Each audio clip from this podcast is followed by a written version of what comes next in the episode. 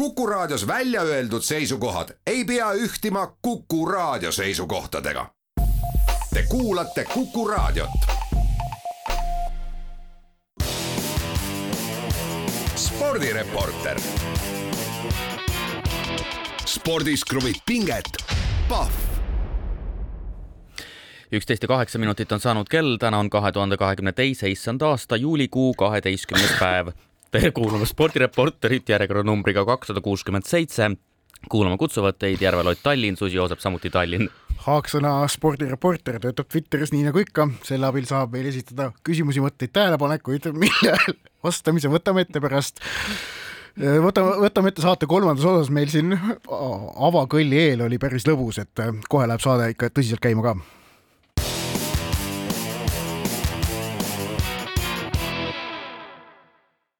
alustame spordireporterit kiirete aktuaalsete teemadega ning teemaks number üks on Wimbledoni tenniseturniir, mis nädalavahetusel mõlema üksikmängu osas lõpule jõudis ning finaalkohtumised äh, lõppesid järgnevate tulemustega. naiste finaalis laupäeval äh, Kasahstani teni-, Kasahstani esindav Jelena Rybakina kaotas Ons Jabeurile avaseti kolm-kuus, aga võitis järgmist kuus-kaks, kuus-kaks. meeste finaal mängiti pühapäeval, seal oli Novak Djokovic Nick Kyrgiose vastu üle niimoodi, et kaotas avaseti, avaseti neli-kuus, aga järgmised võitis kuus-kolm, kuus-neli ja seitse-kuus. Need olid Wimbledoni tenniseturniiri lõppmängud, aga tegelikult selle turniiri teine nädal kätkes endas väga mitmeid äh, muid teemasid, mis vaata et pälvisid isegi natukene rohkem tähelepanu kui need finaalkohtumised ise ja esimene suur teema, millest tuleb rääkida, on Rafael Nadali Wimbledoni turniiri viimane nädal. see, kuidas ta esmalt veerandfinaalis kangelaslikult äh, vigastust trotsides võttis viiesetilises mängus võidu niimoodi, et tal oli kõhu, kõhulihases väikene rebend ähm, ja, ja oli siis seejärel ikkagi sunnitud turniiri pooleli jätma Nick Kyrgiosele poolfinaali loovutades jah, ja tegelikult oodati väga palju ju äh, Kyrgiose Nadali kohtumist äh, puhtalt ka seetõttu, et äh, kui me vaatame, mis leidis aset nii finaalis, finaali eel kui ka finaali järel, et missugune on Djokovic'i ja Kyrgiose vaheline selline kommunikatsioon või läbisaamine, siis Kyrgios Nadal on äh, alati olnud sellised äh, noh, natukene nugade peal. et no, see on väga, väga. Nad ikka teineteist ei mõista, oleme ausad. no võiks isegi öelda, et nad vist ei salli eriti teineteist jah, et äh, Nadal on seal Tsitsipasi äh, leeris natukene ja, ja ka omavahelised kohtumised Kyrgiosel Nadalil on olnud võrdlemisi noh, tasavägised pidevalt ka, ka Wimbledonis näituseks ja omavahel ka ju kuus-kolm ainult Nadal on peal.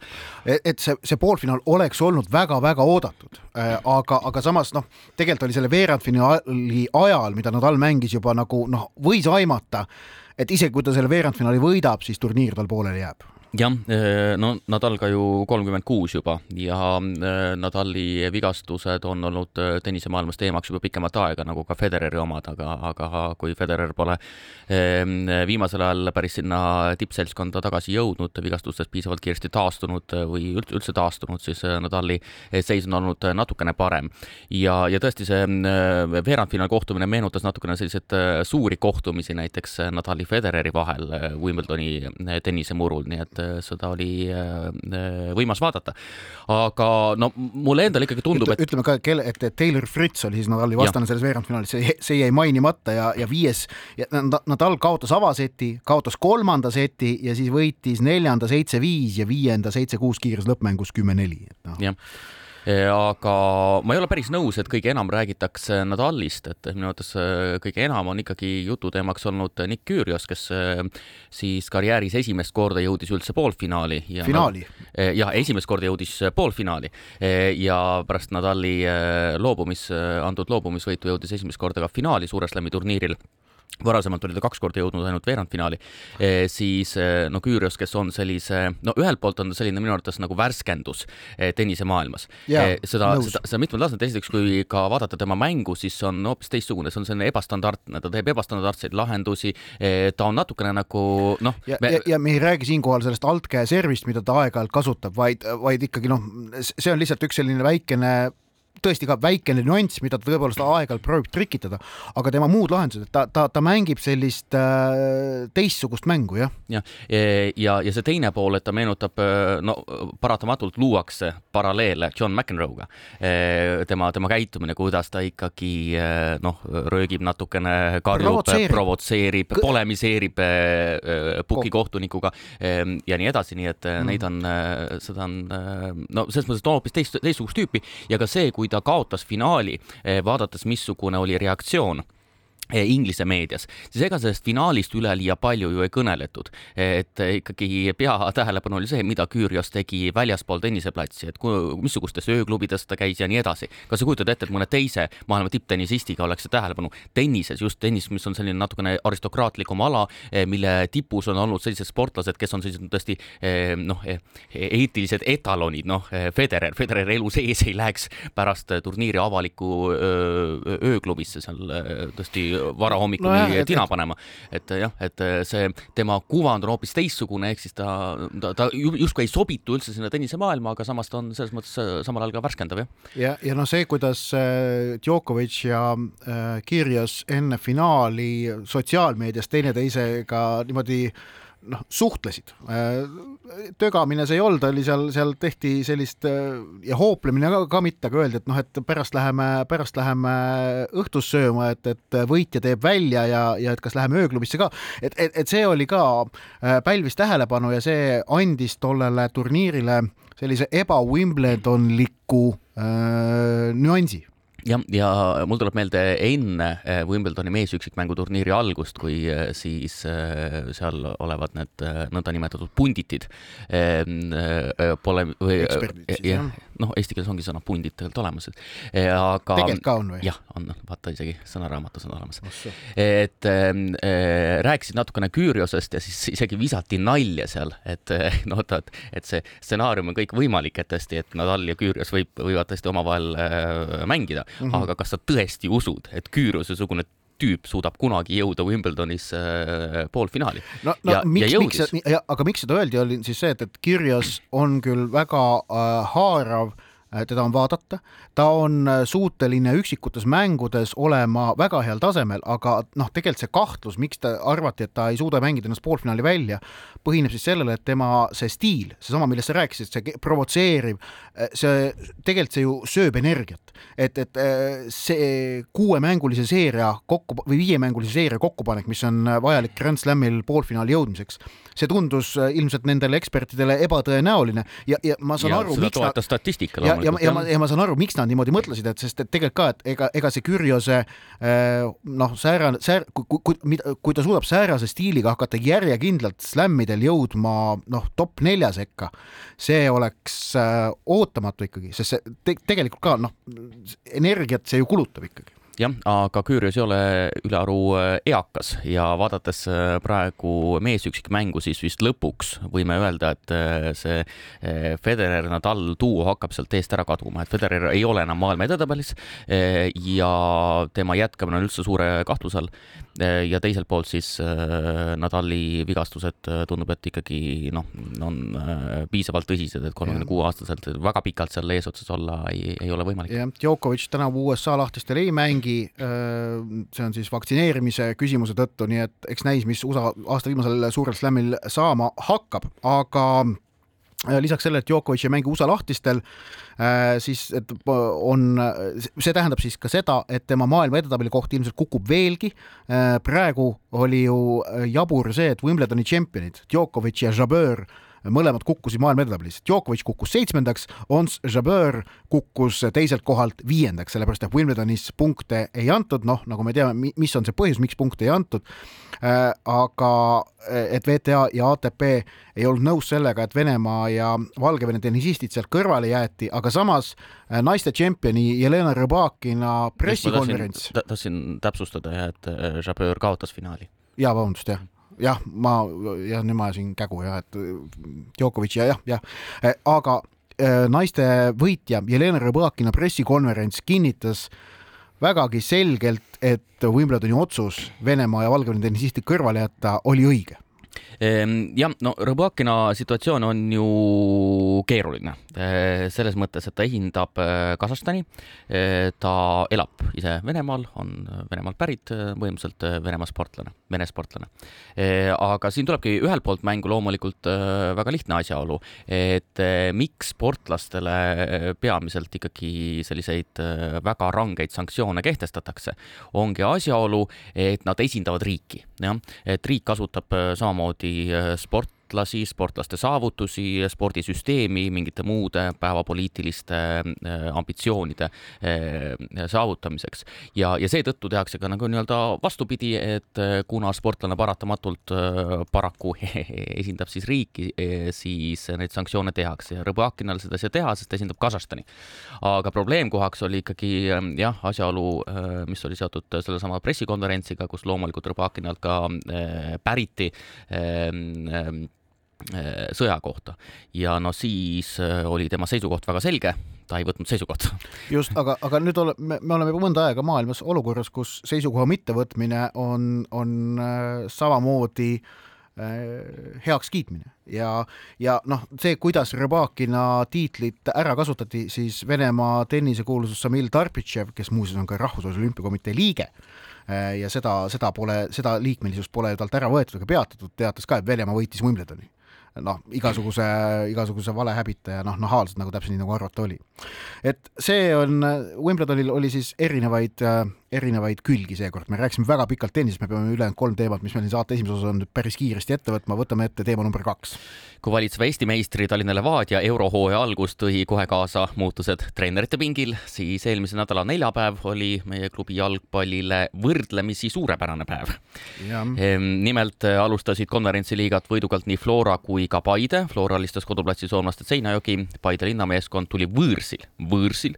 Ehm, ajalooliselt ikkagi suurklubi Tbilisi Dinamo vastu kahel korral kaotusseisust välja, võitis võõrsil kolm-kaks. see oli Paide peatreeneri Karel Voolaidi jaoks esimene äh, meeste konkurentsis võidetud rahvusvaheline kohtumine sellepärast et Eesti koondise peatreenerina ta neljateistkümnes mängus ühtegi võitu ei saanud.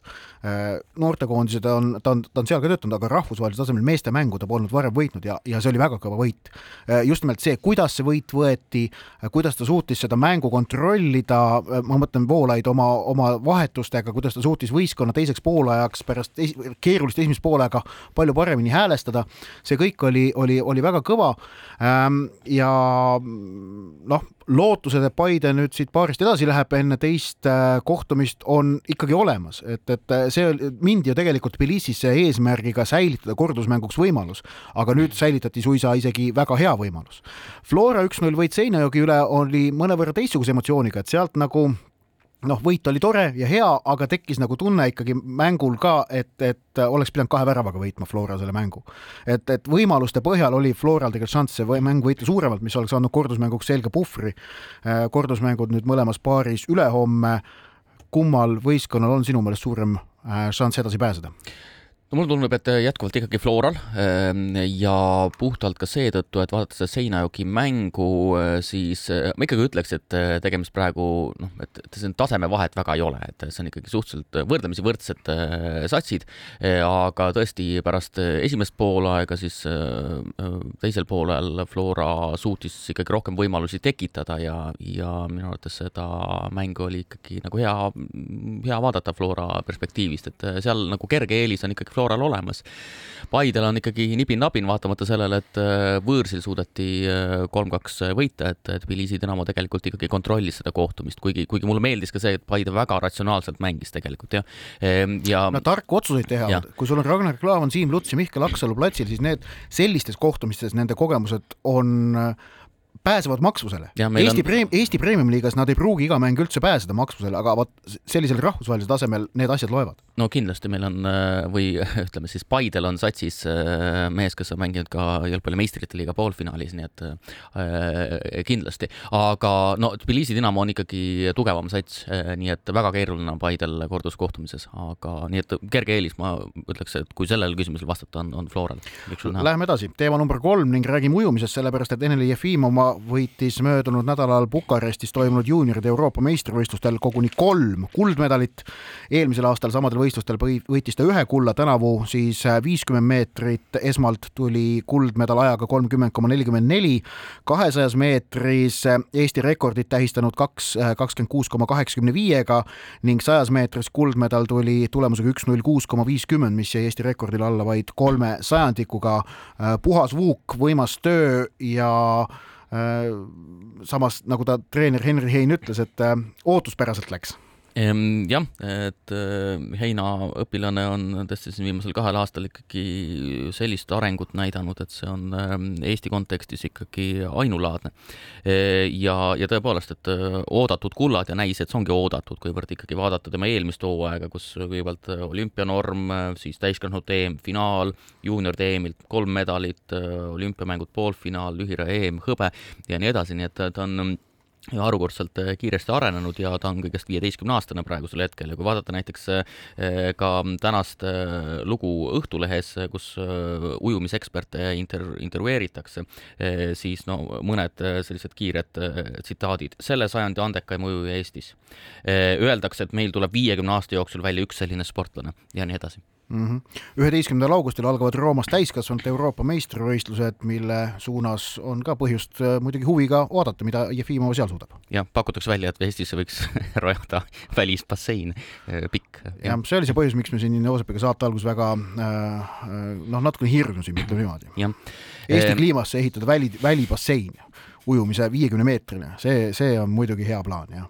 jah, ma ütlen ikkagi lõpetuseks, et võib juba ette öelda, et Jefimova ja Pariis kakskümmend neli ühes lauses esinemine hakkab järk-järgult kasvama, ma olen viimastel päevadel raadioeetrit eh, eri kanalites kuulnud seda mitu korda. aga teema number neli ja vaatame veel korra Pariisi poole. jah, eh, natukene isegi, samuti natukene isegi kurioossel moel, nimelt sel nädalavahetusel toimus sõudmise maailmakarikasarja kolmas etapp Šveitsis Lutsernis. Eh, meeste paarisaarluse neljapaadi A-finaali võitis Poola, Eesti paarisaarlune neljapaat uues koosseisus. Mihhail Kuštein, Allar Raja, Tõnu Hendrikson, Johan Poolak ei pääsenud A-finaali, aga äh, B-finaal võideti Leedu-Tšehhi ees. ja kui vaadata meie koosseisu, siis tõesti kaks vanameistrit äh, tiitlivõistluste medaleid me ei jõua ette lugeda äh, ja kaks noorhärrat ja kui vaadata, et eh, see paat, paarisaal neljapaat eh, pürib eh, olümpiamängudele, siis olümpiamängudel oleks olukord selline, et Tõnu Hendrikson oleks nelikümmend viis, Allar Raja nelikümmend üks, meenub Olav Tüfte, jah. ja, ehm, ja no Tõnu Hendrikson neljakümne viiesena Pariisi olümpial, mine tea, kas no, no, no ei, ei saa ju ei, ei, ei saa midagi kindlat öelda ennem, kui see täpselt niimoodi ka juhtub, aga paistab, et see võimalus on õhus. Ja, ja see oleks muidugi fenomenaalne saavutus, tuletan meelde Tõnu Hendriksoni senised olümpiamängude tulemused, kaks tuhat neli kahepaadil Leonid Kuloviga neljas koht, kaks tuhat kaheksa Jüri Jaansoniga kahepaadil hõbe, kaks tuhat kaksteist neljapaadil Jämse rajaja Taimsooga neljas koht, kaks tuhat kuusteist neljapaadil Jämse rajaja Taimsooga pronksmedal ja mullu Tokyos äh, neljapaadiga kuues koht. Ehk et viis korda olümpial, viis korda olümpiafinaalis võiks ju kuus teha. spordireporter. spordis kruvib pinget, Pahv spordireporter jätkab ning liigume juttudega Rally Estonia juurde, sellepärast et äh, allanud nädal Eesti spordis kahtlemata kuulub ennekõike autorallile, kuna kolmandat korda toimub Rally Estonia maailmameistrivõistluste sarja etapina ning kui sellest nüansist alustades, siis kuigi Rally Estonia kuulub MM-sarja alles kolmandat korda, on äh, see muutunud nagu väga loomulikuks ei tekita mingit sellist erakordsuse tunnet, et näe, MM-etapp Eestis, vaid, vaid need kaks eelmist äh, MM-rallit on olnud sedavõrd äh, täh- äh,, kuidas öelda, vägevad, ma arvan, on õige sõna, et nad on, on, on selle MM-ralli, kodus MM-ralli muutnud vägagi kiiresti äh, harjumuspäraseks osaks. ma meenutan, tuleb meelde see, kuidas Otepää MK-etapid esimest korda murdmaasuusatamises toimusid, siis äh, see tunne, et oo, et tõesti ka selline asi nüüd siin meie juures, et noh, see, see tunne kestis kauem, praegu Rally Estonia on nii, ahah, tuleb MM-etapp Eestis, väga okei okay,, väga tore, noh, muidugi mit, mit, ma ei taha nüüd seda kuidagi ma ei taha siin praegu seda kuidagi vähe tähtsustada, vaid pigem just nimelt kiita, kuidas Rally Estonia on suutnud ennast väga kiiresti muuta normaalseks osaks Mm, jah, et kindlasti ei tasu kahelda selles, et see saab ka tänavu olema väga hästi korraldatud võistlus, et see meeleolu meenutab mulle isegi natukene rohkem eh, Otepää maailmakarika etapi laskesuusatamises, mis just äsja oli, et missugused need reaktsioonid on, oi kui hästi korraldatud ja nii edasi. et tõesti igal aastal on, eh, mis mulle meeldib, et minu arvates nad väga selgelt tajuvad seda, missugune on nende auditoorium eh, ja, ja missuguseid ka selliseid meelelahutuslikke elemente tuleb lisada, et see tervik kokku panna ja, ja, ja ja, ja lisaks loomulikult, et kui me mäletame ka näiteks Ott Tänaku kriitikat äh, puhtalt selles suhtes, et äh, missugune on näiteks äh, punktikatse. eelmisel aastal ja. oli selleks ju see raadil sõidetud noh, üpriski kunstlik katse, siis tänavu on seda muudetud, vaid ja, ja, ja see, see, see raadikatse on lihtsalt üks osa ralliprogrammist, punktikatse on hoopis kiirem, pikem sõitmine mujal. jah, ja, ja, ja enne kui me liigume sportliku poole peale, mis on samuti väga oluline, siis eh, minu arvates Eesti ralli korraldajatega väljaütlemised on midagi, milles, millest võiks äh, spordiväli äh, mõõtu võtta või, või äh, millest võiks õppida vähemasti. Susi on haaranud kätte tänase Õhtulehe ja tsiteerib sealt Urmo Aava intervjuud. just, ühesõnaga räägitakse on ju siis sellest, et noh, missugune on riigi tugi ja nii edasi. ja Urmo Aava vastus, ma ütlen veel sissejuhatuseks, et pole üldse vahet, mida Aava tegelikult arvab. oluline, missuguse sõnumi sa välja, välja annad minu arvates, jah nii, eh, kui see, mida me teeme ja esitame, ei tundu loogiline, siis olenemata maailmavaatest, erakonnast, koalitsioonist, kui me presenteerime valitsusele midagi, mis ei lähe läbi, siis me oleme ise kuskil vea teinud.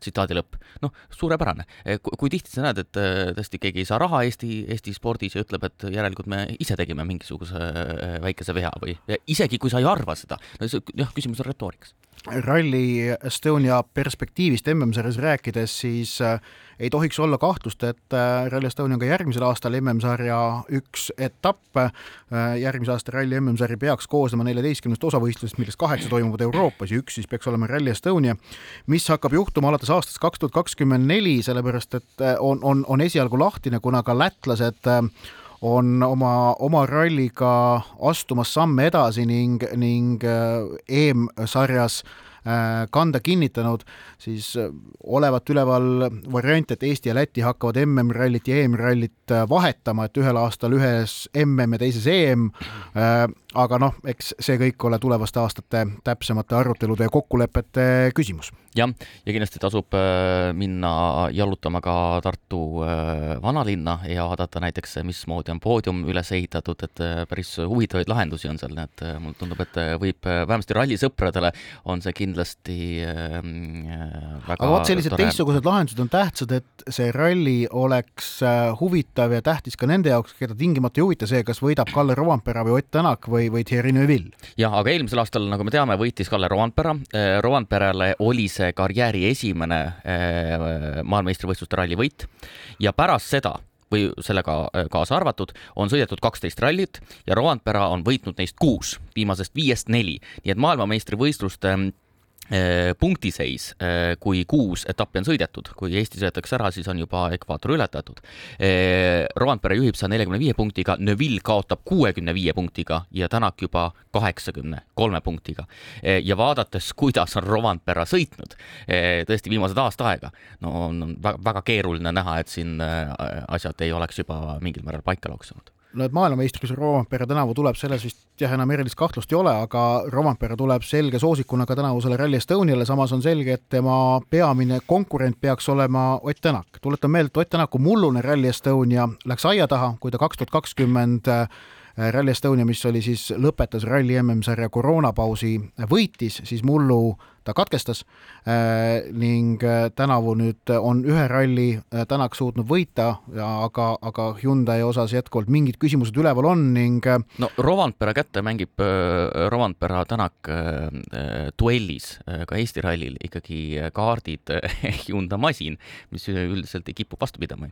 Jah, jah, tuleb rõhutada ka seda, et Sebastian Ogier Sebastian Loeb Rally Estonial starti ei tule Nende kahe mehe võrra on äh, konkurents hõredam aga muidu siis saab vaadata, et mis, mis juhtuma hakkab. tähtis oleks see, et, et see, et see põnevus püsiks võimalikult kaua noh, mullu me mäletame, kuidas Tänak esimesel päeval katkestas, siis ju kohe see, esimesel täispikal päeval, siis kohe see, see huvi ikkagi langes väga selgelt. spordireporter. Spordis kruvib pinget, Pahv spordireporter jätkab, Joosep Susi ja Ott Järvela jätkuvalt Kuku raadio Tallinna stuudios ning meie saate kolmas osa kuulub nagu ikka eh, kuulajatelt laekunud küsimustele. alustame Martini küsimusega. olete eelmistes saadetes päris palju rääkinud Jüri Vipsist. minul näiteks on tekkinud segadus, kas ta on siis hetkel Red Bullis või ei ole või mismoodi asjad on ja eh, tuleme siis tagasi eelmise nädala saate juurde, kus me rääkisime samamoodi, et see tagasitee eh, võiks isegi öelda, et täpselt samasse situatsiooni, täpselt samasse positsiooni võib olla päris lihtne, ehk siis Red Bullil on väga lihtne situatsioon praegu, et, et me alguses hoolitseme pakendi eest, oluline on see, missugune on esialgne reaktsioon, samamoodi ka F2-l, F1-l. ja kui see esialgne reaktsioon, hoiakuvõtt ja mingisugune ka tegu on tehtud, siis võib kõik naasta samasse situatsiooni ja praegu tundub, et järk-järgult nii ka, nii ka läheb, et Vips on näidanud ennast ikka väga kiirena, näiteks ka nädalavahetusel nädalavahetusel väga, väga, väga kiirene end enne nädalavahetust näitas ta ennast ka eeskujuliku vabandajana, sellepärast et tema see sõnavõtt, millega ta avalikkusesse tuli, kus, mis oli täielik tingimusteta vabandamine ilma mingisuguste õigustusteta, oli ainuõige ja ainumõeldav käik ja see on vähemalt teoorias avanud tee millalgi tagasi jõuda sinna, kus ta, kus ta praegu pidi taanduma või ta taandati jah, ja, ja, ja ma arvan, et äh, õige pea ta seal äh, tagasi ka on, sest tema kiirus on ikkagi piisavalt, äh, piisavalt tähelepanuväärne. Mats on küsinud, väidetavalt pahandab Heiki Nabi selle üle, et Kassi vastus viibib, küsiksin aga, mida see Kassi otsus muudab, kas Kassi otsus, et Nabi on puhas poiss, tähendabki seda, et Nabi on puhas poiss? ma arvan, et Sassi otsus on Heiki Nabi osas ikkagi päris oluline. ka, ka selles osas, kuidas Heiki Nabit äh, mäletama jäädakse Eesti, Eesti spordiloos. Ähm, kas see lõpp tähendab noh, keegi ei sea kahtluse alla, ma usun, ei ole tekkinud ju kahtlust, et, et Nabi Londoni olümpiahõbe oli, et, et selle puhtuse osas näiteks ei, ei ole mingeid kahtlusi. Ähm, aga, aga kas ta, kas ta, kas tal lõpuks jääb see dopinguplekk külge või mitte, selles osas TASi otsus on väga oluline. jah, aga äh, esiteks on ta loomulikult ülioluline Nabi enda jaoks, siin ei ole, ma arvan, et see on ja, kõige see... olulisem asi Nabi enda jaoks. Ja, ja, ja, ja siin võib-olla ma selles mõttes vaidleksin natukene vastu, et kui sportlane on jäänud äh, keelatud ainete tarvitamisega vahele, siis see tagasi äh, mõjuv jõud on sellel väga suur, ehk siis ta on sportlane äh,, isegi kui ta on varasemalt võitnud tiitleid siis ka varasemad tiitlid on võidetud sportlase poolt, kes on jäänud dopinguga vahele.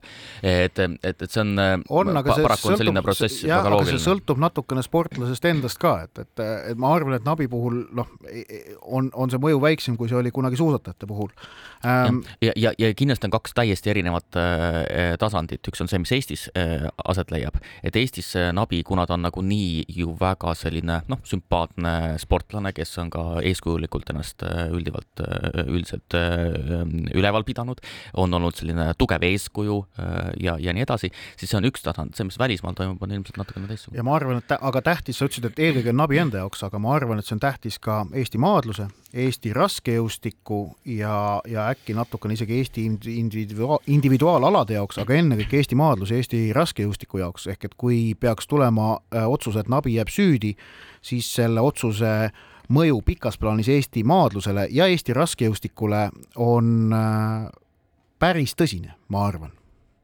Äh, see, see hakkab nende, selle spordiala mainet segama. Läheme küsimustega edasi. Rene tahab teada, mis peaks juhtuma, et Tadej Pogacar ei võidaks tänavust Tour de France'i? No Prantsuse velotuur on selline tuur, kus võib juhtuda palju ettearvamatusi eh, ja enamasti on nad seotud kas kukkumistega eh, või, või millegi sellisega ja, ja tõesti neid võib aset leida päris, päris palju. aga kui ütleks Pogacar ei kuku või, või midagi sellist ei juhtu, siis tõesti on, on, on väga keeruline näha, et Pogacar ei kaitse eh, Prantsusmaa velotuuri võitu Rändi, Rändi on esitanud küsimuse, head spordireporterid, mul oleks hädasti tarvis teie nõu. ees on ootamas taas periood, kui Lõuna-Eesti teed on täis keskkonnale sülitavaid maniakke, kes kimavad lärmavate masinatega. kahjuks pole võimalik töökohustuste tõttu kodupaigast lahkuda. mida ma tegema peaksin?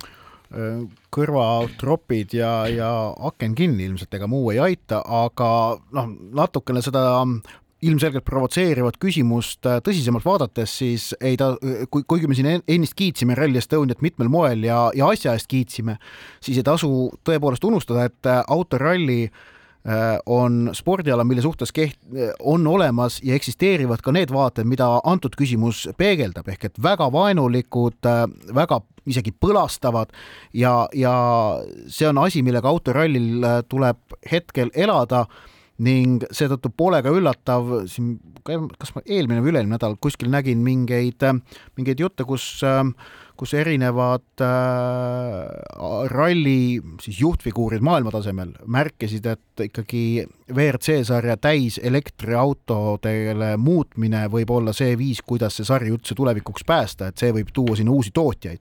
aga et sisepõlemismootoritega, isegi hübriidiga ei pruugi enam äh, kaugele jõuda ja, ja ma võin äh, ka öelda, et äh, sina ja tartlane, kuidas sina siis hakkama saad selle kõigega? mina sõidan Hiiumaale ehm,. aga soovitaks tõesti, kui anda lihtsaid soovitusi, et ma tean, äh, paljud minu tuttavad, paljudele tuttavatele ei meeldi sellised üritused Tartu kesklinnas ja ei meeldi ka näiteks või üldse väga tihti lahkuvad ka siis, kui näiteks toimuvad rattavõistlused seal jah. sest tõesti see kajab igal pool ja eriti kui sa elad seal kuskil Turu tänava lähistel, siis on päris, päris keeruline. Ehm, nii et kindlasti soovitaks vaadata, kus, mis päevadel võistlused toimuvad, aset leiavad, vältida vanalinna näituseks. Jah, ja noh, sellised lihtsad võtted. Saab hakkama küll Tom tahab teada, Novak Djokovic on nüüd Roger Federerist äh, möödas ja Rafael Nadalist äh, ühe suure slam'i võidu kaugusel. kas näete varianti, et Federer ja ka Serena Williams naaseksid veel tipptasemel tennisesse? no Williams üritab, nagu ma aru saan, jah. ja vist Aga... ikka kavatseb USA lahtis ikka mängida. jah, ja, ja, ja kui Williams juba nii-öelda stardis on, siis mine tea, mis sealt tulla võib, arvestades on ka naisüksikmäng. aga Federer, no üha enam tundub, et Äh, Federer päris tipptasemele tagasi ei tule. et äh, esiteks äh, noh, selliseid indikatsioone on loomulikult, kõige lihtsam on see, et ta pole väga kaua mänginud enam jah, ta on ikkagi jah, ta ei ole enam maailma edetabelis ja nii edasi. missugune tema täpne füüsiline konditsioon on, loomulikult me ei tea, aga ta vanus on ju nelikümmend jah. Nii et see on, see juba näitab nii mõndagi ja tegelikult ikkagi neid jutte, et Federer ei tule tagasi, on, on hakanud kostma päris palju jah, ta selles tabelis äh, Djokovicist ja Nadalist mööda ei saa, et kui Nadalil hetkel kakskümmend kaks, Djokovicil kakskümmend üks ja Federeril kakskümmend võitu, siis, äh, siis äh, Federer neist kahest mehest mööda ei saa. ja viimane küsimus äh, tuleb Reelikalt, tänavune jalgpalli Euroopa meistrivõistluste finaalturniir on alanud mängud toimuvad igal õhtul, aga Eesti spordiajakirjandus kajastab võistlusi minu meelest tagasihoidlikus mahus. miks ei pöörata naiste Euroopa meistrivõistluste finaalturniirile sama palju tähelepanu kui mullusele meeste omale? No põhjus on väga lihtne või, või ja, ja mis ei pruugi küll küsijale meeldida, aga naiste EM-finaalturniiri mõjuväli võrreldes meeste omaga on palju väiksem. tõsi, see on küll väga selgelt kasvav ja ka, ja ka käesolev EM-finaalturniir, mis Inglismaal toimub, on, on ilmselt kõigi aegade suurim EM-finaalturniir ähm,. kindlasti tähendab kõige, kõige, kõige suuremat tähelepanu püüdev. ma ei ole kindel, kas ta nüüd, kuidas ta võrdleb kolme aasta taguse MM-finaalturniiriga, mis naiste MM pälvis toona ka tõesti väga palju ülemaailmset tähelepanu. see oli just Pariisis, jah? ja see ja. oli Prantsusmaal jah ja., et aga, aga praegu noh, Inglismaa võitis eile Norrat kaheksa-null, see tekitab kindlasti korraldaja maas tohutu suure vaimustuse, see oli muidugi väga ootamatu tulemus, et see sellise... võime öelda, et Norra on noh, ta ikkagi peaks olema maailma üks üks suurfavoriite, jah? suur favoriit mitte, aga ta noh, seal sellest mängust inglased kartsid, et mäng võib viiki jääda, võitsid esimese poole kuus-null ja mängu kaheksa-null äh,. nii et äh, ma arvan, et ja, ja küsimus, et miks Eesti spordiajakirjandus vähe kajastab, no ei saa vist ju öelda. minu arvates näiteks äh, Rahvusringhääling on väga tublisti kajastanud äh, nii spordiportaalis, eelvaated on tehtud, äh, lisaks ka õhtustes spordiuudistes telepiltide, noh, kuna telepildi võimalus aga, on. aga samas tõsi on see, et näiteks ajalehtedest äh, spordikülgedelt seda teemat näeb esialgu vähe. jah, aga selge see loogika joonistub välja, et kõik Euroopa meistrivõistluste finaalturniirid on järk-järgult üha populaarsemad, ma ütleks ka nii Eestis kui ka, kui ka laiemalt, aga ega, ega meeste finaalturniiridele nad ei noh, jõua järele selles mõttes jah, et nad on ikkagi natukene erinevad juba sellised taustsüsteemid ja nii edasi. spordireporter.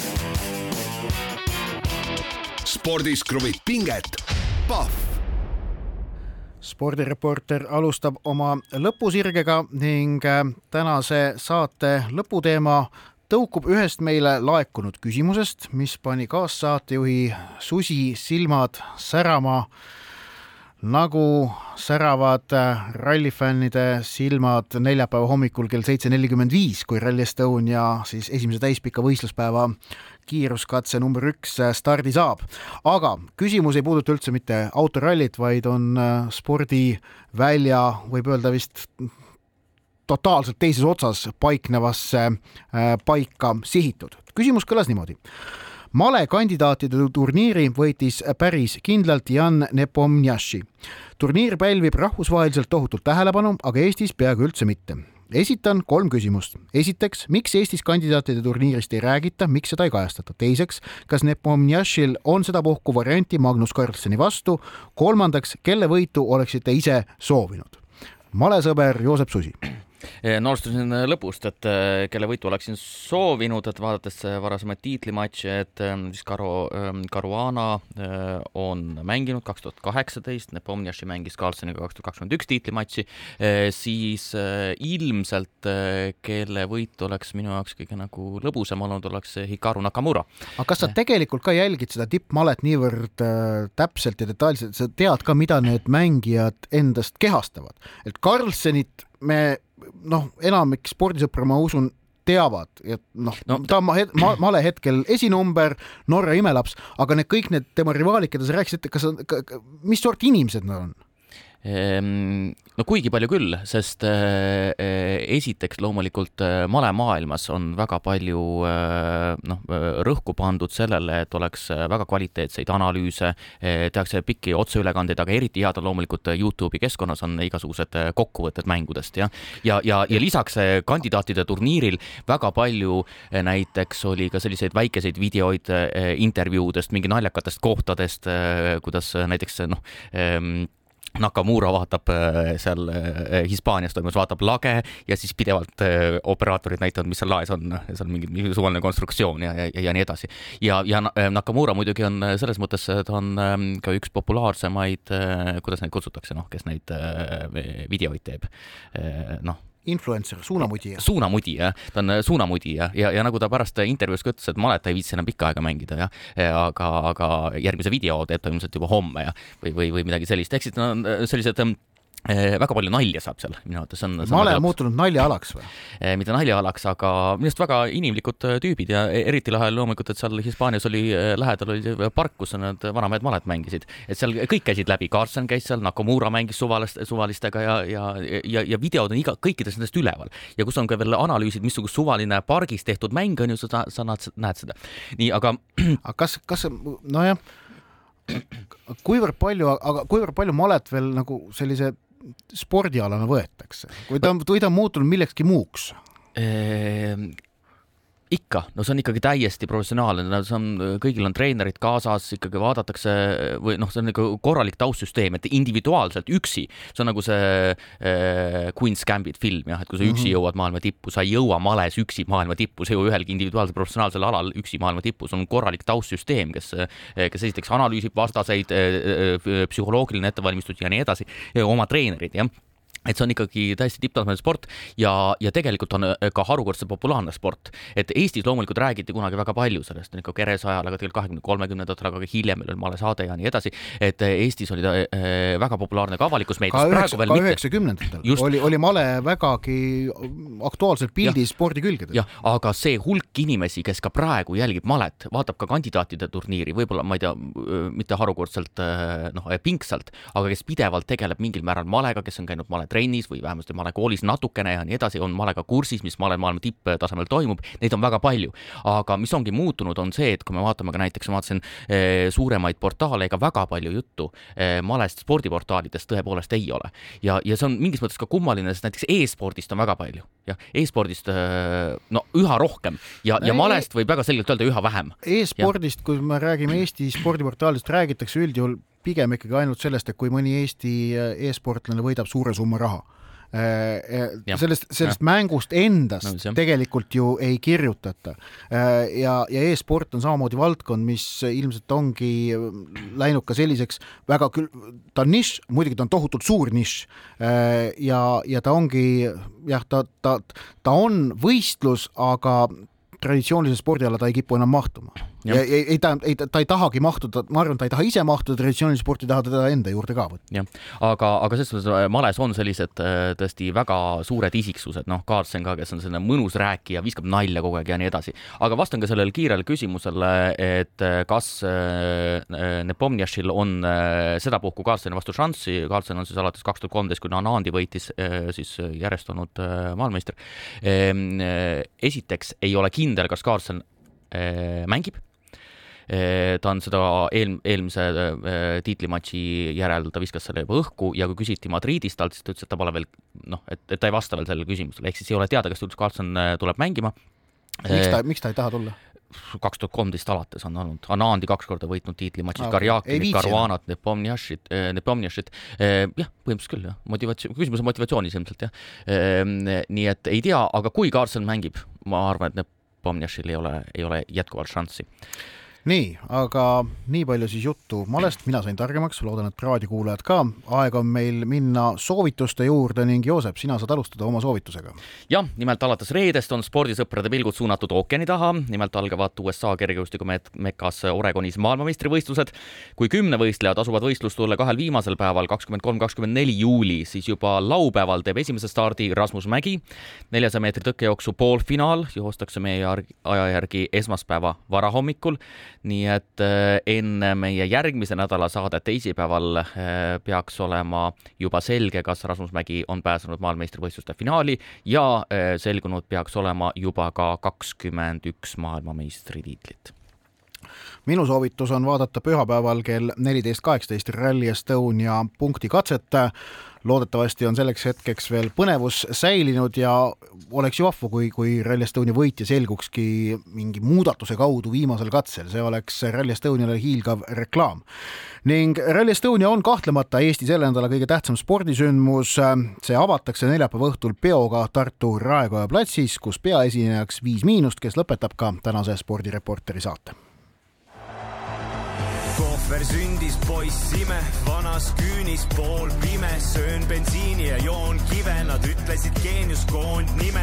jumal andis peoga siis, kui ülkupanelkas mind eostati, ma tütarde unelm ja emade lemmik, kui vaja, saan püsti nii mõnelgi telgi. tõotan ja päästan ainult kaeva, saan läbi Longero sinise taeva, ma saan märade karjale kaera ja toon päikese välja, kui naeratan. olen rõõmumees, olen